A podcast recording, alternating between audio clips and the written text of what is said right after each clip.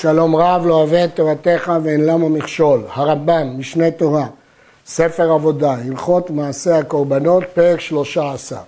מצוות עשה לעשות כל מנחה כמצוותה האמורה בתורה. כבר אמרנו שהרמב"ם כולל כל קורבן במצווה בפני עצמה, כולל כל פרטי הדינים שלו. גם מנחה נקראת קורבן, כך אומר הרמב"ם, ולכן הוא כולל אותה, כולל אותה בהלכות מעשה הקורבנות. וכיצד עשיית חביתי כהן גדול.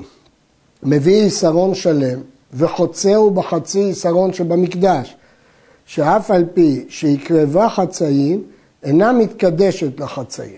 יש דין חביתי כהן גדול שהיא צריכה להיעשות חצאים. כתוב מחציתה בבוקר ומחציתה בערב. הגמרא דרשה מהמילה מחציתה שיש להביא מנחה שלמה, לקדש אותה ורק אז לחצות אותה. חוצים אותה בכלי שרת שהיה של חצי עיסרון. הוא מביא עמה שלושת לוגין שמן, שנאמר, בשמן תעשה. להוסיף לשמן כנזקי הכבש. נזקי הכבש הם רביעי תאין, שלושה לוגים לעיסרון. ובולה לסולת בשמן, וחולט אותה ברותחים, יוצק עליה מים רותחים, ולש מכל חצי עיסרון שש חלות. נמצאת 12 חלות. אז מעיסרון אחד שש חלות, מעיסרון שני שש חלות, זה מחציתה, אבל הוא עשה 12 חלות. ואחת אחת היו נעשות. אה, זה לגבי העשייה שלהם. לגבי האפייה, הרמב"ם בפירוש המשנה כתב שנאפות כל 12 החלות בבת אחת. אבל לגבי העשייה, כל אחת לבד. וכיצד עושה? מחלק השלושת לוגין ברביעית שבמקדש, בכלי שהיה במקדש שהוא רביעית, רביעית לכל חלה, ואופה החלה מעט, ואחר כך קולה אותה למחבת בשאר רביעי השמן שלה, ואינו מבשלה הרבה, שנאמר תופינה בין בשל ונע. לכן הרמב"ם אומר שצריך גם לאפות אותה וגם לטגן אותה אחר כך, לבשלה, אבל לא הרבה, כי כתוב תופינה, כאילו כתוב נע, בין בשל לנע, בשלב ביניים. יש להדגיש שהגמרא דרשה בשתי צורות, תאפה נע, כלומר שתאפה קצת, נע, לא לגמרי, וכן תאפה נאה, שתאפה קודם הטיגון, שאם תאפה אחר הטיגון היא לא תהיה נאה. עכשיו השאלה, כמו איזו דרשה הרמב"ם למד, כי לכאורה הוא הביא פה את שתי הדרשות, גם שהיא תהיה נאה, כלומר אפייה לפני הבישול, וגם שלא תתבשל הרבה, כלומר גם האפייה וגם הטיגון לא יהיו הרבה אלא קצת, נע. כך פירש הרמב"ם. ואחר כך חולק כל חלה וחלה לשניים בעומד, כדי שיקריב החצי בבוקר והחצי בערב. נשים לב, כבר חצינו חצי עיסרון וחצי עיסרון, עשינו את 12 החלות, 6 ו-6, עכשיו חוצים כל חלה לשתיים. כלומר, לפי הרמב"ם פעמיים היינו חוצים, פעם בעשייה ופעם אחרי האפייה, כדי לקיים מחציתה בבוקר ומחציתה בערב. הרמב"ן משיג ואומר שאין צורך בחלוקה נוספת של כל חלל לשניים, אלא מקריב שש חלות בבוקר ושש בערב, כי אם חוצים חלל לשניים זה בעומד, זה לא ייתכן, כי כתוב השיעורים כתובים בפירוש בתורה, אז איך אפשר לחלק בעומד? אבל זו דעת הרמב"ם שיש שתי חלוקות, וחופל כל אחד מהם לשניים ופוטט, עד שתימצא כל פתיתה כפולה לשניים. הוא מקריב החצאין עם חצי קומץ לבונה בבוקר, והחצי הנשאר עם חצי קומץ לבונה בערב. כלומר, את כל חצאי החלות הוא מקריב בבוקר עם חצי קומץ, ובערב עם חצי קומץ. ואם הייתה מנחת חינוך, אינו חוצה, אלא מקריבה כולה כאחת עם קומץ לבונה. ושתיהם כליל לאישים, כי כתוב בפירוש, כל מנחת כהן, כליל תהיה לא תאכל. מנחת הסולת כיצד הייתה נעשית? מביא עשרון סולת או כמה עשרונות, כפי נדרו, אמרנו שהיא באה בנדבה או בנדר אפילו אלף עשרון, ושמן הראוי לה, מה השמן הראוי לה? לוג לכל עשרון, הוא מודד בעשרון של המקדש, זה כלי שרת, ונותן שמן בכלי, צריך שלוש פעמים לתת שמן. קודם נותן שמן בכלי, ואחר כך נותן עליה את הסולת, ואחר כך נותן שמן אחר על הסולת ובולל לסולת בו, ואחר כך נותנה בכלי שרת וצק לתוכה שמן. שלוש מתנות שמן. נתינה בכלי קודם לעשייתה, בלילה בשמן ויציקת שמן. ושמן שנתן תחילה עם שמן הבלילה, עם השמן שיצק, הכל לוג ליסרון ונותן עליה לבונתה. מחלק את הלוג, חלק לנתינה הראשונה, חלק לבלילה וחלק ליציקה. ממה שכתב הרמב"ם שאחרי הבלילה נותנה בכלי שרת, משמע שהבלילה נעשתה שלא בכלי שרת, אבל הגמרא במפורש כתבה שגם הבלילה היא בכלי שרת, ולכן אומר ערוך השולחן שכוונת הרמב"ם רק להעביר לכלי אחר כדי לקדשה אחרי הבלילה. דעת הרמב"ם שלא מוסיפים מים למנחת סולת, רק למנחות אפויות ומטוגנות, אבל דעת להשיב את תוספות שלכל המנחות הוסיפו מים. מנחת המחבת והמרחשת כיצד? נותן השמן בכלי, ונותן עליו הסולת, ונותן על הסולת שמן אחר, ובולל הסולת, ואחר כך לשה בפושרים, פה שמים מים פושרים, ואופה אותה במחבת או במרחשת כמו שנדר, ופוטט אותה פיתים, לאחר האפייה פוטטים אותה, ונותנה בכלי שרת, ויוצק עליה שאר השמן ונותן לבונה. גם כן שלוש מתנות שמן, ובכולם את הלבונה שמים בסוף. מה בין מחבת למרחשת? מרחשת יש לה שפה, והבצק שאופים אותו עליה רך, שהרי יש לה שפה ואינו יוצא.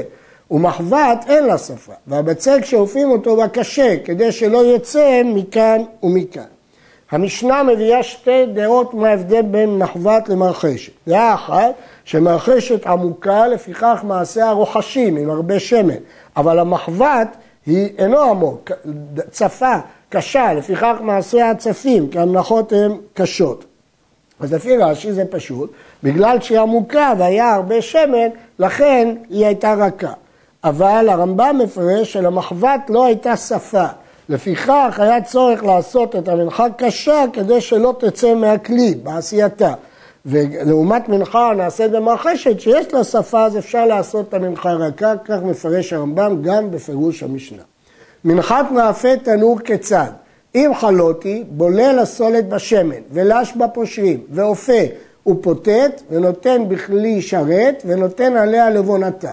ואין בה יציקת שמן, שנאמר חלות מצות בלולות בשמן. במאפה תנור אין יציקה, כי התורה מדגישה בלולות, משמע רק בלולות.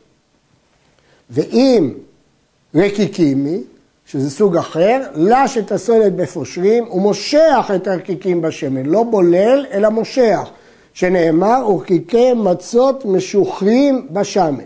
ויראה לי שאחר אפייה מושך אותם. דעת הרמב"ם שבמלאכת מאפה תנור אין מתן שמן בכלי קודם לנתינת הסולת, אבל לפי רש"י היה שמן לפני נטילת סולת. וחצן מושכן, מביא לו שמן לכל יסרון, הוא מושכן וחוזר ומושכן, עד שיכלה כל השמן שבלוג. במשנה מבואר שהמשכן נעשית כמין חי יוונית, כמו האות היוונית דומה ל-X של ימינו, אמנם הרמב"ם השמיט את הדין הזה, הוא פסק את דעת חכמים בגמרא שאין צורך במשיכה הזאת. האחרונים דנים מדוע הרמב"ם לא פסק כי סתם משנה כדרכו. כל ארבע מנוחות אלו האפויות, מחבת, מרחשת, חלות ורקיקים. כשאופין אותן, אופין כל עיסרון עשר חלות. ואם ריבה בחלות או חיסר, כשרה. לכתחילה צריך לעשות עשר חלות, בדיעבד אם הוא חיסר, הוא כשרה. וכיצד פוטטים אותם? כופה לחלל לשניים, והשניים לארבעה הוא מבדיל. ואם הייתה מנחה של זכרי כהונה, אינו מבדיל, כי אין בהם קמיצה, הוא פוטט. וכולם פתיתתם כזיתים, ואם הגדיל הפתיתין או הקטנן, כשרה. כלומר, צריך לכל הפחות שיהיה כזית, אבל אם הגדיל או הקטנם על ידי שהוא קיפל את המנחה פעמים הרבה, כשרה. לא בלל, לא פתת, לא הגיש, לא משך את הרקיקים, כשרה. לא נאמרו כל הדברים האלה למצווה שכך היא מצוותה. לכתחילה צריך את כל הדברים האלה, בדיעבד זה לא מעכב. אבל אם לא נתן שמן בשעת לישרה, חסר שמנה והיא פסולה. היציקה גם היא מעכבת. מה לגבי נתינת מלח? במשנה כתוב גם לא מלח, הרמב"ם השמיט. ההלכה היא שנתינת מלח על הקומץ מעכבת, אבל נתינת מלח על המנחה לא מעכבת. ונתינת שמן בכלי קודם לעשייה גם כן אינה מעכבת אלא רק לכתחילה. סדר הבאת המנחה כיצד? מביא אדם סולת מתוך ביתו, בקלטות של חסד ושל זהב או של שאר מיני מתכות, כלי שהוא ראוי לכלי שרת. צריך להיות שהכלי יהיה ראוי בכלי שרת. ואם הייתה מנחת סולת, נותנה לכלי שרת ומקדשה בכלי שרת, כי הכלי שרת מקדש אותה. ואם הייתה מן המנחות הנאפות, אופה אותה שם במקדש והתנור מקדש.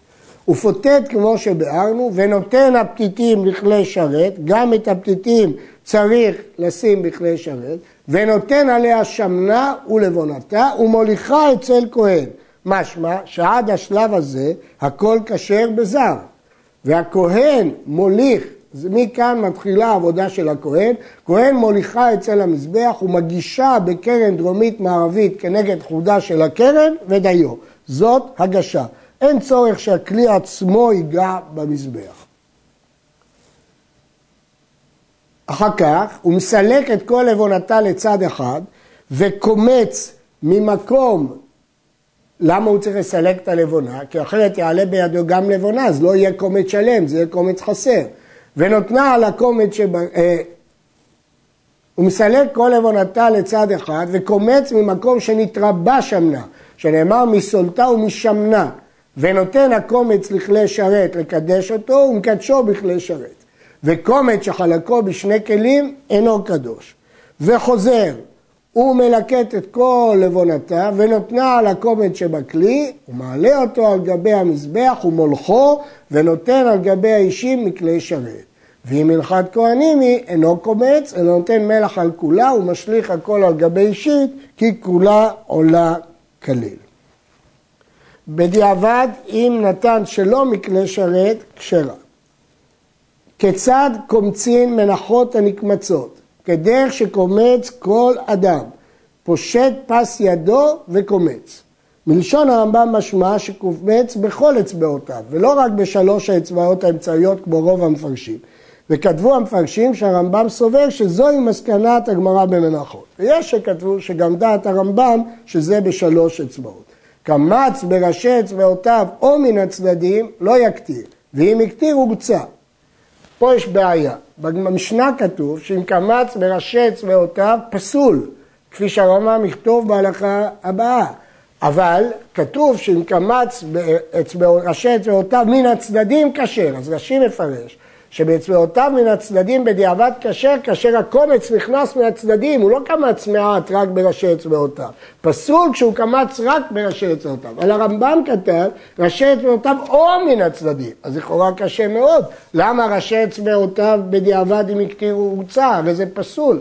צריך לומר שהכוונה פה שקמץ דרך ראשי אצבעותיו, אבל מילא את כל הקומץ. ואם הוסיף בקומץ, כגון שהרחיק אצבעותיו וקמץ, הרי זה פסול, כי הקומץ המרובה והחסר פסול. אין קומץ פחות משני, כשני זיתים. אז כהן שאין ידו מחזקת שני זיתים, פסול. ומקצת הקומץ מעכב את כולו, והקומץ והלבונה מעכבים זה את זה, אם לא הקריב אחד מהם, פסול. הסולת והשמן מעכבים זה את זה, ומקצת השמן מעכב את כולו. אין פחות מלוג ליסרון כמו שביארנו. עד כאן.